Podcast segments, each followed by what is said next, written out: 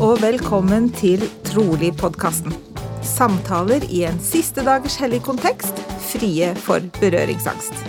Jeg heter Johanna Bjerga, er utdannet journalist og nesten livslangt medlem av Jesu Kristi kirke av Siste dagers hellige. Og mitt navn er Dan Rikard Hagen. Jeg er til daglig voiceover, og som Johanna har jeg også tilhørt Jesu Kristi kirke av Siste dagers hellige nesten hele livet. I denne podkasten snakker vi med både trosfeller og noen som ikke lenger tror. Og innimellom så kommer vi også til å ta inn personer som ikke nødvendigvis har noen spesiell tro, men som likevel har perspektiver rundt tro og tilhørighet som vi sikkert kan lære noe av. Vi gjør oppmerksom på at denne podkasten ikke er i regi av Jesu Kristi kirke Siste dagers hellige, og at det som blir sagt, er våre personlige meninger og oppfatninger.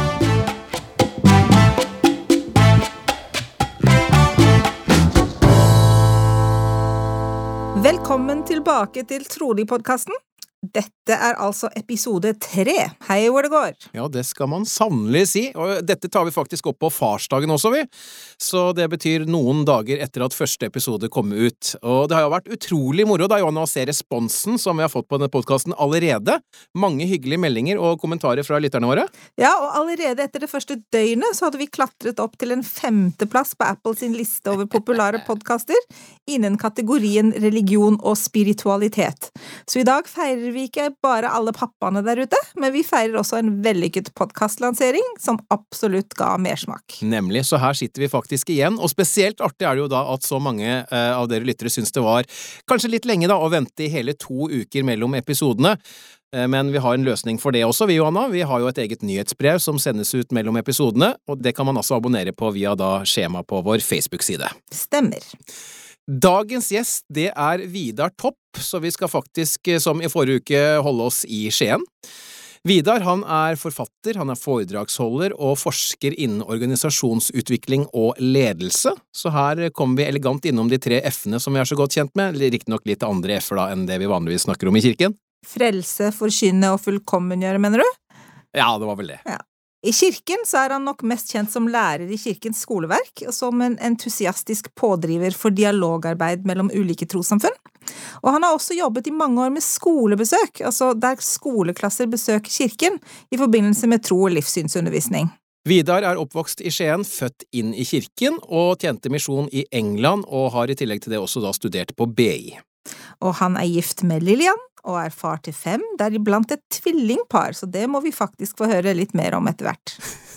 Lidenskapen hans er atferdsendring, og i 2019 avsluttet han et fireårig forskningsprosjekt for å redusere ikke-medisinsk begrunnet sykefravær. Og resultatene av det forskningsprosjektet viste at bedre ledelse gjennom avgjørende samtaler kunne redusere fravær med 20% eller mer. Og nå er han i gang med en doktorgrad der han forsker på atferd i styrerommet og styrets verdiskapende rolle. Han har også en YouTube-kanal hvor han intervjuer styreprofiler, og holder også i tillegg til dette med på to bøker. Begge kommer i løpet av 2021, og vi skal da snakke om en av dem i denne episoden.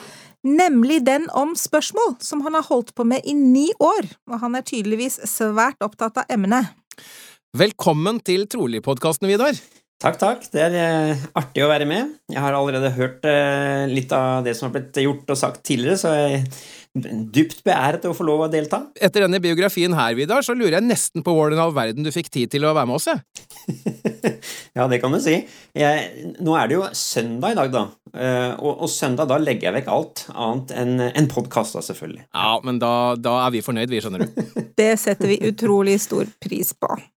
Og vi har egentlig lyst til å begynne litt med din personlige trosreise. Eh, og jeg vet at eh, måten familien din kom inn i kirken på, den er litt spesiell. Kan du fortelle oss kort om det? Ja, det er riktig. Jeg selv er imponert over hva mine foreldre på en måte opplevde og, og gjorde. De, de, er jo begge to fra Nederland. Og dagen de flyttet, altså dagen før de flyttet til Norge, fordi min far skulle være eh, praktiserende fysioterapeut i tre år, to-tre år, så fikk de misjonærer på døren. Og misjonærene de solgte dem en mormons bok som de kjøpte, men la igjen på kjøkkenbordet. Så reiste de til Norge, og vel fremme i Norge så fikk de igjen besøk av misjonærene på døren. Eh, og misjonærene de eh, underviste dem to-tre ganger, og så var det slutt. Og så flyttet mine foreldre en tredje og en fjerde gang, og igjen så kom misjonærene på døren. Og dette her gjentok seg flere ganger.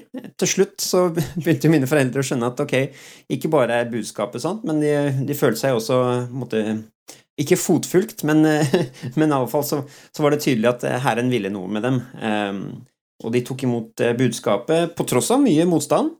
Uh, og noen få år senere så ble jeg født. Så jeg er født og oppvokst i kirken, som man sier. Hmm. Og du er jo øh, voksen nå, og fortsatt i kirken. Uh, hva er det som holder deg i kirken? Um, jeg vil vel kanskje si at uh, da jeg var sånn ca. 12-13 år gammel, så hadde jeg noen spørsmål. Ting jeg lurte på, som jeg tenkte på, mye på. En av de tingene var selvfølgelig da uh, Skriften, Bibelen, Mormons bok. Um, og man kommer i en alder hvor man begynner å bli litt mer selvtenkende og kritisk. Og jeg tenkte, er jeg i kirken bare fordi mine foreldre er medlemmer av kirken, eller er, dette, er det noe hold i dette budskapet? Da begynte jeg å undersøke ganske nøye og omhyggelig, og, og husker at jeg hadde en periode med mye bønn. Og på et tidspunkt da så følte jeg at jeg fikk, begynte å få svar på disse bønnene, da. Jeg kan jo nevne kanskje en, en erfaring jeg hadde, for å gi det litt kjøtt på beina. Jeg ble som tidlig seminarelev utfordret til å finne ut om mormons bok var sann, og jeg besluttet at jeg skulle gjøre denne testen, som mormons bok utfordrer oss på, at hvis vi leser det som står, og tenker på det, og, og også ber og spør Gud om det er sant, da skulle jeg få finne ut. Og jeg gjorde dette her i kanskje et halvt år, hver morgen. Eh, tidlig, tidlig morgen, eh, før alle andre hadde stått opp, så eh, ba jeg mine bønner og studerte Skriften, og spurte Gud er dette sant? Og jeg må tilstå at det var jo en, underveis under prosessen så var det ofte at jeg spurte meg selv har jeg fått noe svar. Hvorfor får jeg ikke noe svar? Har jeg ikke tro? og til slutt, eh, en morgen så leste jeg, og da husker jeg at jeg fikk veldig sterke, gode følelser, og, og så gikk det plutselig opp for meg at å ja, dette er jo en følelse jeg har hatt mange ganger. Og dette her kommer ikke av meg, dette er noe som kommer utenfra. Jeg hadde f.eks. lyst til å vaske opp på kjøkkenet, det var ikke typisk for meg. Da skjønte jeg, la jeg to og to sammen, og da skjønte jeg, begynte jeg å dra kjensel på den følelsen. Du rett og slett eh, identifiserte etter hvert, altså at den følelsen du hadde, det var, det var den bekreftelsen du hadde lett etter? Mm -hmm. Og den kom gradvis, veldig forsiktig. Ja, nå er du Det har jo gått noen år, da. Ja. Eh, har, eh, føler du at troen din har utviklet seg på noe vis? Ja, jeg føler jo at eh, tro er jo et valg jeg har tatt, faktisk. Um, det har jeg begynt å forstå nå i, i voksen alder. Jeg kunne på, på, denne veien som jeg har gått, valgt å ikke tro, faktisk. Men jeg har valgt å tro, og i det, de tilstandene, de situasjonene og de utfordringene som jeg har stått i, at jeg har valgt å tro, det har gjort at jeg har fått bekreftelse på veien. Da jeg var f.eks. misjonær, så fikk jeg mange opplevelser som som eh, jeg føler bekreftet eh, min tro, og som gjør at jeg føler at det, det er noen områder innenfor vår religion da, som jeg, jeg, er overbevist om er, er sant. Og så er det andre områder som jeg fremdeles grubler på og tenker på og forsøker å finne ut av. Mm. Kjempeinteressant, og vi skal jo snakke litt mer om uh, både spørsmål og foran spørsmål så ligger jo gjerne grubling, så vi kommer litt tilbake til det. Og nå er vi også automatisk inne på et segment uh, her i Trolig-podkasten som nettopp er dette temaet tro, som er jo et veldig spennende, uh, fascinerende emne, egentlig. For hvordan vil du definere tro, Vidar? Hmm. Jeg um, forestiller meg at um, når vi en gang kommer på den andre siden, så er det sikkert en del ting som vi vil, vil få vite helt sikkert, men som dersom vi i dette livet uh, har utgangspunkt at vi tror på det, så vil vi oppleve at vi nummer én får hjelp underveis, slik at livet blir lettere å leve, mer interessant å leve, mer innholdsrikt. Og for det andre at vi vil finne stadig flere bekreftelser på at det vi tror på, virkelig er sant. Jeg har ofte tenkt at dette livet er Jeg føler meg veldig sånn privilegert fordi jeg på mange måter da, får lov til å være som en syvendeklassing som, som for første gang fikk mattefasiten til, uh, i undervisningen. Og jeg tenkte det var så veldig greit å ha mattefasit, for da kunne jeg sjekke om det, det jeg regnet på i skolen, var riktig. Eh, og jeg valgte alltid å regne regnestykket først, og så se på fasiten. Men så vet jeg at det var noen elever som, som ikke gjorde det. De så på fasiten først, og så begynte de å regne. Og jeg har tenkt at eh, på mange måter så er tro på samme måten. At vi, vi, har en fasit som vi kan sjekke med av og til, eh, og det er en stor fordel. Mm. Uh, du nevnte jo i stad at tro er et valg. Mm. Hvorfor velger du tro da? Um, fra mitt perspektiv, da, så er det jo slik da at jeg faktisk føler at jeg har blitt velsignet med tro. Jeg tror faktisk at det er en, det er en gave fra Gud som han har investert i oss. Og det, det bitte lille frøet av tro som jeg, som jeg hadde kanskje i utgangspunktet, har jeg valgt å pleie fordi når jeg føler gode følelser, så velger jeg å pleie de gode følelsene. Og når jeg gjør det, så vokser de følelsene. Eh, men jeg har også hatt perioder i mitt liv når jeg har ikke vært så flink til å pleie den følelsen, og da har jeg følt at den har visnet eller har vært svakere, og det har jeg kjent veldig på. Og jeg liker, jeg liker det når det er vekst, når, det er, eh, når, det, når, jeg merker at det blir sterkere, og jeg liker det ikke når det blir svakere. Det har vært min eh, bakgrunn. Så hvordan har, har de erfaringene der eh, Altså når du har opplevd at det har vært svakere, mm. hva har du Hva har på en måte vært um, ankerfestene dine, eller uh, mm. Helt konkret, altså hva har du gjort for å på en måte finne tilbake til den, til den styrken, eller den følelsen? Mm. Det er et veldig godt spørsmål. Og nå som jeg er blitt pappa, så er jo dette et spørsmål som er veldig viktig også, som jeg spør meg selv. Hva, hva er det egentlig jeg gjør som gjør at jeg føler at jeg kan holde fast i den troen, og hva gjør jeg for å hjelpe barna mine med det samme? Jeg tror at regelmessighet i å gjøre enkle, små ting gjør at, uh, at jeg får, opplever å få lys i livet mitt. Det kan være noe så enkelt som at når jeg står opp om morgenen, at jeg faktisk eh, kneler ned på knærne og har en samtale med Gud. Det gjør noe dypt og inderlig med meg. En, en, ikke, ikke, en, samtale hvor, som er monolog, men en samtale som er dialog, hvor jeg stiller spørsmål. Hvor jeg eh, snakker med himmelske Fader, det styrker min tro, og da er det lettere for meg å velge å tro. Og så kan det hende at jeg da setter meg ned eh, og leser litt i, eh, i, Skriften. Og når jeg gjør det, så igjen føler jeg at sinnet mitt blir opplyst, og slik, eh, slik gjentagelse, det gjør noe med det. Så jeg, jeg, tror at det har vært en av grunnene til at jeg har holdt fast ved, ved troen, at jeg har hatt sånne opplevelser jevnlig. Eh, men så er det også um, ting som skjer i løpet av dagen, hvor jeg faktisk forsøker å være bevisst på hvordan ser jeg Herrens hånd i mitt liv, og om kvelden så skriver jeg kanskje dagbok og, og noterer meg de tankene jeg har hatt. Jeg er veldig til å skrive ned tanker. Det merker jeg at, eh, at, jeg, at jeg, burde. Jeg syns ikke det er så lett, men jeg har øh, opplevd å få ganske mange tilskyndelser de siste, siste månedene, egentlig, om at jeg må bli bedre på å notere ned tanker, særlig rundt øh, skriftstudium. Mm. Jeg er voldsomt glad i å lese, men jeg er ikke alltid så glad i å reflektere over det jeg har lest, og notere ned det jeg tenker og føler rundt det. Så det, det kjenner jeg at jeg må bli bedre på. Og det går jo litt opp og ned sant, i livet. Noen ganger så er man flink, andre ganger så er det ikke så lett. Mm. Mm. Og det er alltid veldig interessant. Eh, jeg har jo ført dagbok i perioder, og jeg, det er alltid interessant å gå tilbake og lese Eh, og se hva man, hva man, har tenkt, og hvilken reise man har vært på. Eh, spesielt i, i forhold kanskje til, til tro. Det er, en, det er, jo en, modningsprosess. Eh, jeg tror at for de av oss som er mer eller mindre født og oppvokst i kirken, så, så kan man lett glemme det, at det, en, at det skjer en utvikling. At man ikke står på stedet hvil, for det gjør man jo ikke. Man står jo faktisk aldri på stedet hvil, tenker jeg, i forhold til, til tro. Enten så er man på vei eh, mot eh, sterkere tro, eller så er man på vei vekk fra sterkere tro. Og eh, du har jo huset fullt av tenåringer for tiden, eh, og unge voksne. Disse tvillingene dine, eh, er det de som er yngst? Det er de som er yngst, ja. De er 15 år. Ja. ja. Lucy og Elinor. Så du er midt oppi den eh, mest intense tenåringsfasen. Ja. Hva, hva føler du hjelper deg mest eh, når det gjelder å formidle dette med, med tro til de? Mm. Jeg, jeg har jo oppdaget i, i mitt liv, tror jeg, betydningen av gode, inspirerende historier. Og en av de tingene jeg gjør mye, det er å fortelle mennesker historier.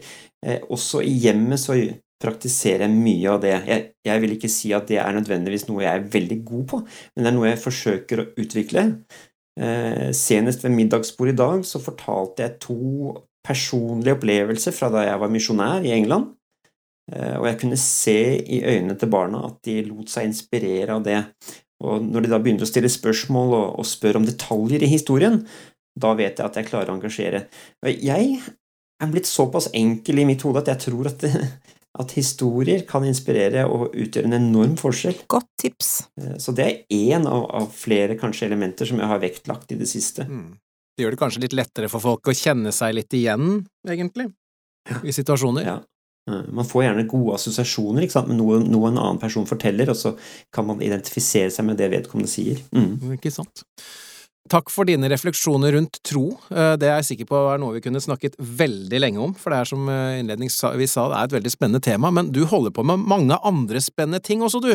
Ja. Du har et spørsmålsprosjekt. Hva i all verden er det for noe? Jeg, jeg, og kanskje utgangspunktet for denne samtalen er jo at jeg har skrevet en bok da, om spørsmål. Eh, og det var en sånn liten baby jeg holdt på med i ni år. Uh, det er mildt sagt interessert i, i, faget når det gjelder spørsmål. Det er jo en vitenskap. Så ja, veldig interessert i, i spørsmål. Hvorfor det? Hvorfor det? Hvorfor er du så fascinert av spørsmål? ja, uh, jeg har notert meg tre-fire punkter når det gjelder eh, hvorfor. Jeg, jeg, tror at hvis jeg skal se tilbake på livet, da, så, så har jeg blitt eksponert for dette med spørsmål i mange forskjellige situasjoner. For det første så husker jeg at eh, da jeg var eh, på, gikk på ungdomsskolen eh, og på videregående skole, så hadde vi noen ganger sånne spørreundersøkelser som vi gjorde. Og da var det første jeg hørte om dette, var liksom validerte spørsmål. Jeg tenkte hva, hva verden er det for noe? Validerte spørsmål? Hvorfor skal et spørsmål være validert? jeg syntes det var veldig spennende da. Og så, og så går man videre, så kommer man på misjon, så blir man misjonær. Og på misjon så oppdager man da at hvis man stiller spørsmål, så går det så mye lettere å snakke med mennesker. Og det var en ting som jeg på en måte følte veldig godt for. Og så, da jeg kom hjem fra misjon, så oppdaget jeg at eh, eh når jeg studerte eksamen filosofikum, at Sokrates var veldig flink til å stille spørsmål. Så filosofene var opptatt av dette. Og så ble jeg selger etter utdanningen min, og da skjønte jeg jo veldig fort at det å stille spørsmål var alfa og omega, som man sier, innenfor, eh, innenfor selgerbransjen. Og slik fortsetter det. Altså, jeg, jeg, skjønner jo da at, at, spørsmål det dukker opp i nesten alle fag. Eh, og det har jeg latt meg fascinere av. det, var, det var en spennende eh, beskrivelse av din fascinasjon for spørsmål. Men eh, hva ligger i å studere Altså, du har på en måte studert faget spørsmål, sier du, men hva ligger i det, da? Ja? En, en av grunnene til at jeg syns at spørsmål er veldig spennende, det er jo at eh, noen mennesker sier at 'jeg kan ikke snakke med mennesker'. Og, og når de da sier det, så, så tenker jeg hm, hva kan, årsak, hva kan være årsaken til det? Og jeg har selv også vært i noen sosiale sammenhenger hvor jeg syns det er vanskelig å snakke med mennesker. Eh, det jeg oppdaget da i, i ganske tidlig alder, var at hvis jeg var flink til å stille spørsmål, så fikk jeg den andre i gang. Og det var en veldig kjekk måte å, å, å, å ikke måte, føle ansvaret og hele tiden bære samtalen. Det var en fantastisk oppdagelse for meg da i ung alder. Eh, og dette her har på en måte bare blitt mer og mer eh, et, et tema som jeg brenner for. Eh, da jeg forfattet boka, så tror jeg jeg listet opp 20 forskjellige gode grunner til at man burde stille spørsmål. Men det er jo ikke sånn at et spørsmål er et spørsmål er et spørsmål, liksom. Det er jo forskjell på spørsmål. Nei. Ja, det er stor forskjell, og, og det er også snakk om timing, ikke minst. Um, jeg pleier å si at et godt spørsmål fortjener en god pause. Og noe av grunnen til det er jo at hvis, hvis, du stiller et godt spørsmål, så vil den andre personen ha behov for å tenke litt. Og det tror jeg vi ofte undervurderer i, i dagens samfunn. Skal, alt skal gå så fort. Um, jeg tror at et spørsmål det inviterer til deltakelse. Hvis de deltar, så føler man eierskap. Føler man eierskap, så, så um, det, det, har så mye godt ved seg å stille spørsmål. Det, det, engasjerer folk. Når du sier det på den måten, så kan jeg jo faktisk uh, plutselig forstå hvorfor du er fascinert av spørsmål. men, men, men, det det virker som for meg, er at det du er kanskje mest fascinert av, er hva spørsmål hva slags konsekvenser det å stille spørsmål faktisk kan gi i forskjellige sammenhenger. Er det riktig? Ja, det er riktig. Og, og, det er jo her jeg jobber jo med, med ledergrupper. Veldig mye og ofte med ledergrupper og fasiliterer disse prosessene. Endringsprosesser, som det heter. Og når man skal endre atferd i en organisasjon, så er det så viktig at, at lederne vet hva de vil, og det vet du ikke før de på en måte har vært gjennom en prosess. Og den prosessen den fasiliterer man med spørsmål. Ja. Eh, jeg har jo oppdaget at de fleste av oss vi, vi, vi, vi tror på egne ideer. ja. Og det, det, du husker best fra en samtale, det er det du selv sier. Og? Da har du lært mye. Ikke sant? Så vanligvis da, så er dette her en litt uvant situasjon for meg, for jeg er veldig ofte den som stiller spørsmålene og sørger for at, at jeg stimulerer andre til å snakke. Eh, men nå skal jeg også for, for så vidt dele noen tanker rundt dette med spørsmål. Og jeg tror kanskje det mest fascinerende det var da jeg møtte en, eh, en mann som het Terje Skriver. Han lever ikke lenger. Men han og jeg hadde noen fantastiske samtaler, og en av de tingene han sa, var at når du stiller spørsmål, så blir du temabestemmende. Det vil si at, La oss si at du sitter ved lunsj, lunsjbordet, og så sitter du med kollegaer og så tenker du, hm, hva skal jeg snakke om i dag? Jo, kanskje jeg skal snakke om vinterdekk. Det har vært et spennende tema. Det har jeg lyst til å lære litt mer om. Så stiller du ett spørsmål om vinterdekk, og så vil gjerne hele samtalen dreie seg om vinterdekk. Eh, og hvis noen da våger å snakke om noe annet, så stiller du et nytt spørsmål om vinterdekk, og så er samtalen rett tilbake på vinterdekk. Man kan godt kalle det for manipulerende, men, men eh, det, finnes, det, finnes, gode måter å bruke spørsmål, og så finnes det manipulerende måter å, å, å bruke spørsmål. Underforstått at manipulerende måter å stille spørsmål på er negativt, da? Ja. Det ville ja. vil jeg vel sagt, ja. Um, jeg opplever da at, eh, at f.eks. mye av det som Sokrates og, og, og eh, filosofene holdt på med, eh, det vi kaller for mange retoriske spørsmål, er ofte å drive den, personen, den andre personen inn i et hjørne og på en måte overbevise på den måten. Men vi kan ikke gjøre det på den måten. Hvis vi, hvis vi skal se på vitenskapen rundt overtalelse, så sier Dale Carnegie det best, tror jeg. Han sier A person persuaded against his will is of the same opinion still. Mm, ja. Og der tror jeg det er noe gull. Den var, den var slett ikke dum, men jeg lurer på en ting da, Vidar. Hvordan Eller kan du bringe eh, holdt å si, refleksjonene dine rundt spørsmål, tema spørsmål, inn i evangeliet? Ja. Jeg møtte en gang en misjonær. Han het Elst Hunter. og Han hadde en opplærings... Eh, liten runde med meg og min ledsager. Og han viste hvordan det var mulig å undervise ved hjelp av spørsmål. Og så tenkte jeg wow, hvordan gjør han det? Eh, og jeg, jeg, forsøkte å øve på dette og, og, bruke spørsmål i en slags sekvens, og for å bruke spørsmålene for å hjelpe den andre personen til å på en måte tenke, reflektere og, og svare på spørsmål, og på den måten da undervise seg selv. Og jeg syntes det var vanskelig. Jeg syntes det var kjempevanskelig. Eh, men jeg fortsatte å øve på dette her i nesten to år, eh, og da jeg kom hjem fra misjon, så så føler jeg at det var en av de store oppdagelsene jeg gjorde som misjonær. Det var at den beste måten å undervise andre mennesker på, det er å bruke spørsmål. Mm. Fordi da, da, da, svarer man og lærer man ut ifra egen referanseramme, og ikke hva jeg eller andre måtte eventuelt fortelle dem. Kan du gi oss noen eksempler på en type spørsmål som du ville brukt i en undervisningssituasjon, ja. som misjonær, for eksempel? Mm -hmm. Jeg husker jo kanskje det, det, det jeg likte å gjøre aller best, da, det var jo å innlede samtalen med et spørsmål. Eh, hvis en person sa 'nei, jeg har ikke tid til å snakke sammen nå', ok, kan jeg bare stille ett spørsmål? Og veldig ofte så fikk jeg et positivt svar på det. Og det var ofte innledningen på en timelang samtale. Nå, nå kan jo det høres manipulerende ut, men, men en person valgte selv å, å, bruke den tiden på meg. Jeg, jeg ville jo underveis si at hør, jeg, jeg, skulle bare stille et spørsmål, og så ville vedkommende si nei, nei, det er greit, vi har en spennende samtale, jeg er interessert. Så Så på den måten så, så, var det å stille et spørsmål innledningsvis veldig veldig nyttig. Og, og da hadde jeg I løpet av en to år misjon så hadde jeg vel en ca. 60 ulike spørsmål som jeg, som jeg, likte å spørre. Og til slutt så var det vel slik at jeg stilte et nytt spørsmål hver dag. Og det var veldig utviklende for meg også, for da, da dreide samtalen seg om noe nytt hver eneste gang jeg innledet en ny samtale. Mm. Men et spørsmål som jeg ofte stilte, og som mange, spørsmål, som mange misjonærer stilte, det var jo eh, når Josef Smith går til de ulike kirkesamfunnene, og så forteller du historien, og så på et eller annet tidspunkt så spør du eh, den, den personen som du møter. Har du noen gang vært forvirret på samme måte? Mm. Og da får du ofte et nikk, og så kan de relatere til historien, ikke sant? Men det er jo én type spørsmålsstilling, altså fra et uh, undervisningsøyemed, mm. men som en som ja, enten er medlem av kirken eller undersøker kirken, er det noen jeg håper å si, er det noen spørsmål da som man ikke burde stille? Skjønner du hvor jeg vil hen? Liksom, hva, tenker du om, hva tenker du om det? Bør man være åpen, uh, ikke minst overfor seg selv, til å stille spørsmålstegn ved ja, hva som helst? Mm. Ja, jeg tror det. I utgangspunktet så opplever jeg at spørsmålene avslører vår lidenskap, og også at spørsmålene avslører vår modenhet.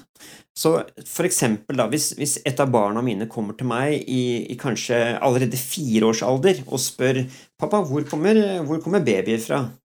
Eh, så tenker jeg at det er et signal fra en fireåring om at jeg er klar for å høre mer om hvordan mennesker blir skapt. Um, og det er en indikasjon, det er en slags temperaturmåling på, på, hvor denne personen står. Det samme spørsmålet har jeg da fått fra et annet barn i elleveårsalder.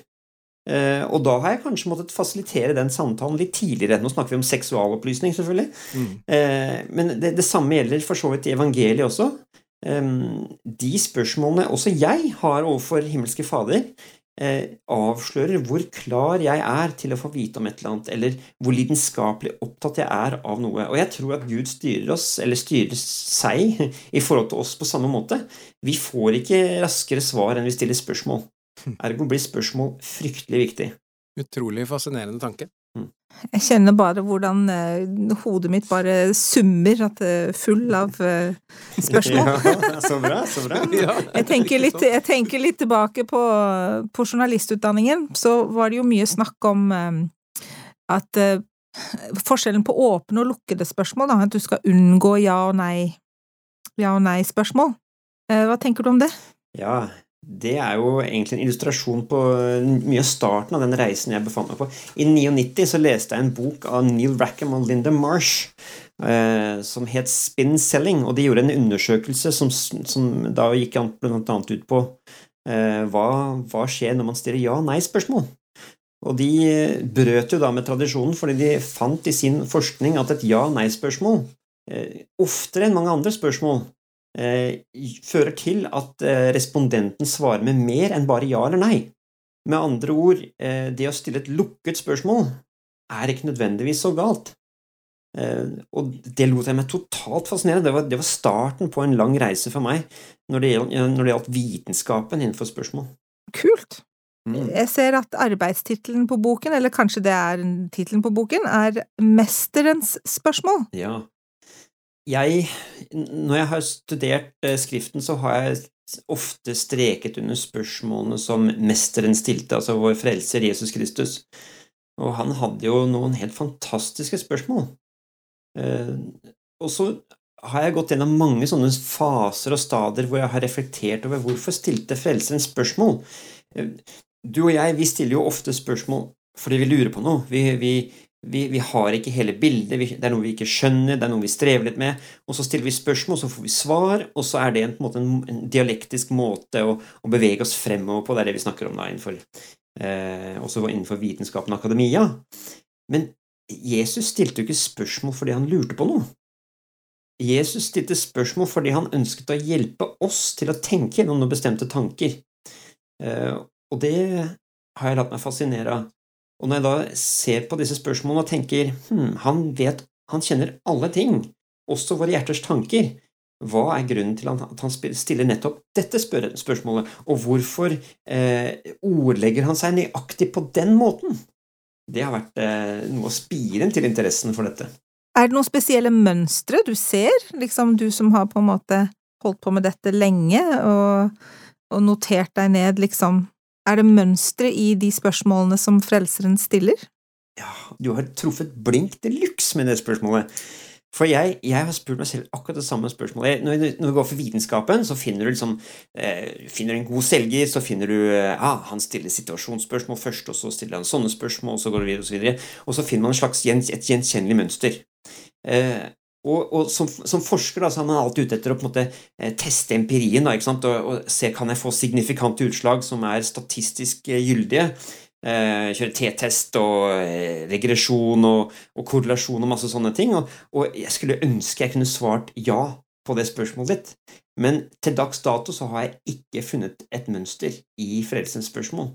Og så langt så er tanken den at hvis ikke jeg finner eh, noen, noen, relevante sammenhenger, så kan det godt hende at det er nettopp fordi Frelseren var så nyansert, så uten tøyler, så, så fri, at han til enhver tid kunne stille det spørsmålet som den personen trengte, uten å sitte fast i et mønster.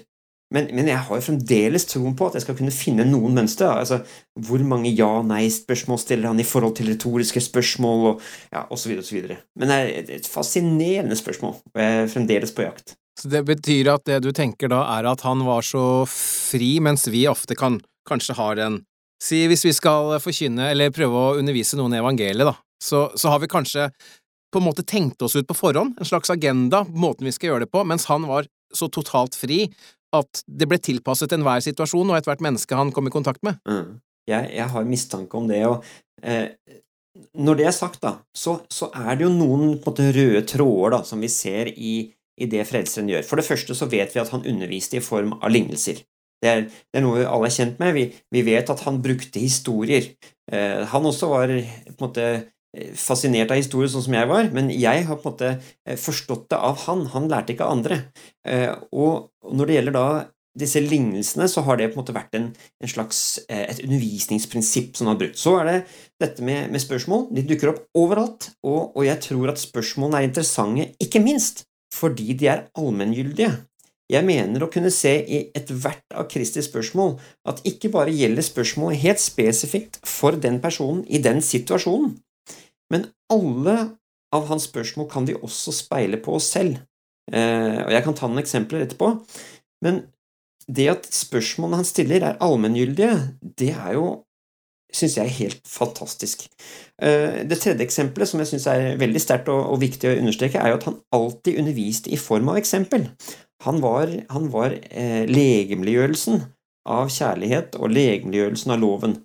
Dette er i hvert fall tre store ja, viktige røde tråder da, som vi, som vi, kan se i Frelserens undervisning, og som jeg tror vi burde emulere og etterligne. Ja, det gir jo virkelig noe til ettertanke. Jeg har tenkt mye på dette her med at, eh, at, vi må prøve å se menneskene rundt oss slik Frelseren ville sett dem.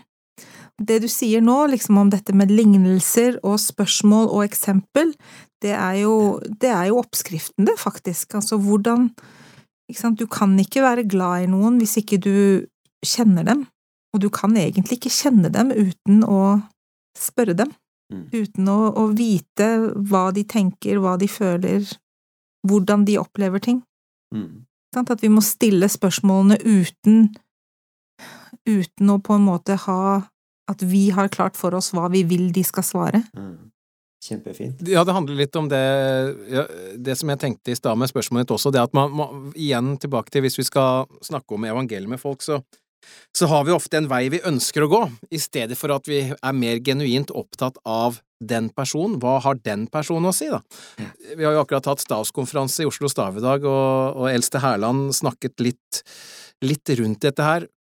Det gikk blant annet litt på dette her med at vi må ikke snakke med folk eh, for å ha en baktanke om at vi hele tiden må bake inn evangeliet.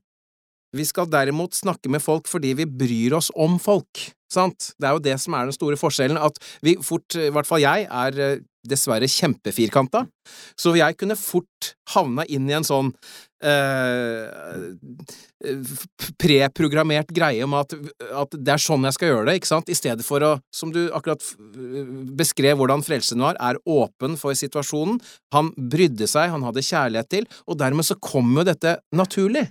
Mm. Fantastisk. Og, og, jeg tror at det, det, antageligvis er det også en tid for å stille spørsmål, og en tid for ikke å stille spørsmål. Mm. Eh, det er en, den, den, faren som spørsmål har i seg, er at vi styrer samtalen, slik vi har snakket om tidligere. ikke sant? Mm.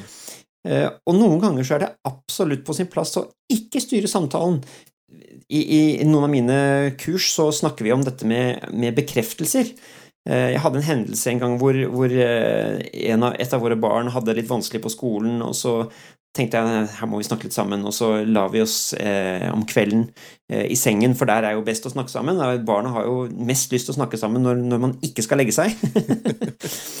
og så det å prate på sengen, sengeprat, det er veldig nyttig. Og, og, vi la oss ved siden av hverandre i sengen og var helt stille, og jeg tenkte nå skal jeg ikke stille spørsmål, for da styrer jeg samtalen. Jeg skal ikke styre denne samtalen. Og var stille lenge, og så på et eller annet tidspunkt så sier eh, dette barnet da ja, det er litt vanskelig av og til på skolen. Og så nesten glapp det ut av meg. Er det vanskelig på skolen? det ville da være en føring. Mm. Da ville jeg styre samtalen, så jeg tok en pause, tenkte meg godt om, og så forsøkte jeg å bekrefte, det, og da sa jeg mm, Skolen kan være vanskelig. Og så var det en lang pause. Ja Og så var det et nytt pause, kanskje et minutts stillhet. Og så sier vedkommende ja, for de andre vil ikke alltid gjøre det jeg vil. Mm. Og igjen, da, så, så, kunne jeg fort ha respondert med et spørsmål, passet meg for ikke å gå i den fellen, og så si at eh, hm, Så det er noen ting som du liker å gjøre. Og så ba en pause. Og på den måten så hadde vi en veldig god samtale, hvor vedkommende fikk lov til å styre samtalen. Eh, det er nok noe av min utfordring, at jeg må passe meg for at jeg ikke tar kontroll over samtalen. Eh, I og med at jeg har min, min mangeårige fascinasjon for spørsmål, så glipper det lett ut av meg. Eh, det minnet meg om en, en skjellsettende bok som jeg leste for noen år siden, som het I Don't Have To Make Everything All Better, som handlet om nettopp det med validering. At det er et universelt behov vi har, hvor vi trenger vi trenger anerkjennelse, vi trenger at våre følelser og tanker og ideer blir anerkjent. Så av og til så, så, er vi litt for snare til å ville fikse ting for alt og alle rundt oss. Uh, mens noen ganger så trenger man ikke det. Noen ganger, og svært ofte faktisk, så er det bedre å bare å bare lytte, og bare være der, og bare anerkjenne den andre personens uh, følelser. Jeg lurer på hvor mange ganger jeg har hørt det av kona mi. Ja. Vi menn skal jo alltid fikse opp. Ja, men jeg trenger ikke det nå, du skal bare høre på meg. Ja vel. Nettopp. Ja, det. Og det, det jeg syns er så fantastisk med dette, da, er at hvis man stiller et godt spørsmål, så fortjener ikke bare spørsmålet en god pause, men det trenger også en person som virkelig lytter. Eh, og jeg opplever at eh, kanskje min forse det er å stille både gode spørsmål, ta pauser, men til syvende og sist også virkelig forsøke å lytte til det vedkommende sier. Fordi jeg opplever at det, det skjer en slags magisk ting i rommet når det er i hvert fall én person i rommet som hører hva jeg sier. Eh, og det å bekrefte da det at Hvis en leder da f.eks. i en gruppe har, har sagt et eller annet, og jeg sjekker, avstemmer stemmeforståelse. Er jeg sikker på at jeg har forstått det? Det du prøver å si nå, det er sånn og sånn og sånn. Ja, det er akkurat det jeg prøver å si! Da skjer det noe i rommet. Mm. Så spørsmål har mange fasetter ved seg som er viktig.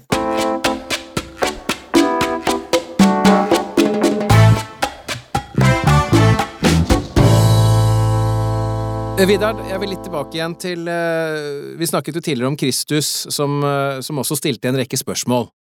Uh, som du også har uh, filosofert en del over, åpenbart. Men, men hva, slags, hva, hva, var det han egentlig spurte om? Ja, uh, et godt eksempel kunne være da han var i tempelet som tolvåring. Så finner først ikke Maria og Josef Jesus, og de leter jo febrilsk etter ham, og så ender de opp i tempelet, og der finner de ham. Og det første, altså i forhold til beretningen som står i Bibelen, han sier, det er å stille et spørsmål. Han sier 'Hvorfor lette dere etter meg?' Og dette spørsmålet er jo helt fabelaktig. Tenk på hvor allmenngyldig det spørsmålet er også til deg og meg. Hvorfor lette dere etter meg? Vi trenger ikke å lete etter Kristus på annen måte enn at vi faktisk bare trenger å be til ham. Der er han. Eh, men hvis vi lurer på dette her da, så, så finnes det dypere utgaver av dette spørsmålet. Hvor var han da han sa dette spørsmålet? Han var i tempelet. Så med andre ord, vi vil finne Kristus i tempelet. Um, sist, men ikke minst, så kan den fullkomne sønnen med dette spørsmålet også ha fortalt sine foreldre noe om det unike forhånd han hadde til sin himmelske foreldre, sin himmelske fader, og derfor også deres grunnløse bekymring da. Ja, ja. om at det var, vel, det var vel med han. Ja, ikke sant. Utrolig fascinerende. Enkelte av de spørsmålene som mesteren stiller, går jeg ut fra at du også skriver en del om i, i boka, som vi altså kan uh, kjøpe til neste år, hvis jeg forstår det riktig? Ja, det er riktig. Og eh, fascinasjonen måte, for spørsmål, den bare fortsetter. Uh, og det er nok et utømmelig tema, så det kommer sikkert flere bøker om det. hva, hva, heter denne boka her igjen, som kommer til, i, i, til, til neste år? Så det er to bøker. Den ene dreier seg om styrearbeid. Slik vinner du styrerommet. Og den andre boka det er den som på en måte er min, eh, min egen personlige lidenskap. Det er mesterens spørsmål. Og, og det er i den boka at jeg blant annet sammenligner Kristus med Sokrates. Ja. Um, som jeg syns er spennende. Vi, vi gleder oss. Jeg òg.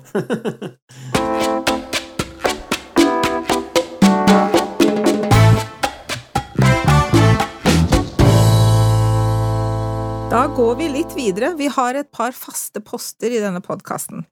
Og det er um, et par spørsmål. Og det er rett og slett hva er det vanskeligste med å være medlem av kirken, og hva er det fineste? Så vi begynner med det vanskeligste. Mm. Det vanskeligste med å være medlem av kirken jeg, jeg, jeg, vil jo si det sånn Jeg husker jeg snakket med en dame en gang som, eh, som sa 'Å, det er så vanskelig å være medlem av kirken, jeg orker ikke mer'. Eh, og så fortalte hun at, eh, at evangeliet er jo på mange måter en slags livbøye. Så når man befinner seg i stormen, når man har havnet ute i vannet og det er vanskelig, så, så er evangeliet er jo det som gjør livet lett. Eh, hvis det er noe som gjør livet lett, så er det evangeliet. Men hvis jeg skulle velge noe som jeg syns er ganske vanskelig, så kan det være det at jeg møter fordomsfulle mennesker som tror at de vet hvem jeg er fordi de har hørt at jeg er medlem av kirken. Ehm, det syns jeg av og til kan være litt, eh, litt trist. Eh, og det å på en måte måtte jobbe med eller snakke med den personen slik at den vedkommende på en måte forstår at disse fordommene kanskje ikke stemmer, mm. det tar gjerne litt tid. Og jeg er nok litt utålmodig som person. Eh, derfor så syns jeg nok det er noen ganger litt vanskelig, da. Og det er jo ikke feil, Johanne, å si at det du snakker om nå, er én av grunnene til at vi har denne podkasten. Ja. For å vise verden og folk at av Siste dagers hellige så finner du alle mulige varianter av mennesker, sant? Ja. Nettopp. Definitivt. Og hva er det aller fineste, da? Det er mange ting. Hvis jeg skal velge det aller fineste, eh, så må det vel være mitt personlige forhold til Gud. Eh, den troen jeg har, og at jeg får lov til å bruke den aktivt, ikke bare som en reaktiv fenomen i, i, i livet mitt, men, men, noe som jeg faktisk får lov til å bruke. At jeg bor i et fritt land, at jeg får lov til å eh, utøve min religion. Og hvordan gjør jeg det? Jo, en av måtene jeg gjør det på, det er å få lov til å være ute blant mennesker og fortelle om noe som jeg har funnet ut, og som de ikke har eh, kanskje sett eller hørt om. Eh, jeg tror at hvis jeg, hvis jeg stiller gode spørsmål, så kan jeg hjelpe folk til å oppdage noe de kanskje ikke har sett før. Så jeg forsøker ofte å innlede samtaler om kirken og evangeliet og min tro med et spørsmål, og hvis de responderer på det, så følger jeg opp med nye spørsmål.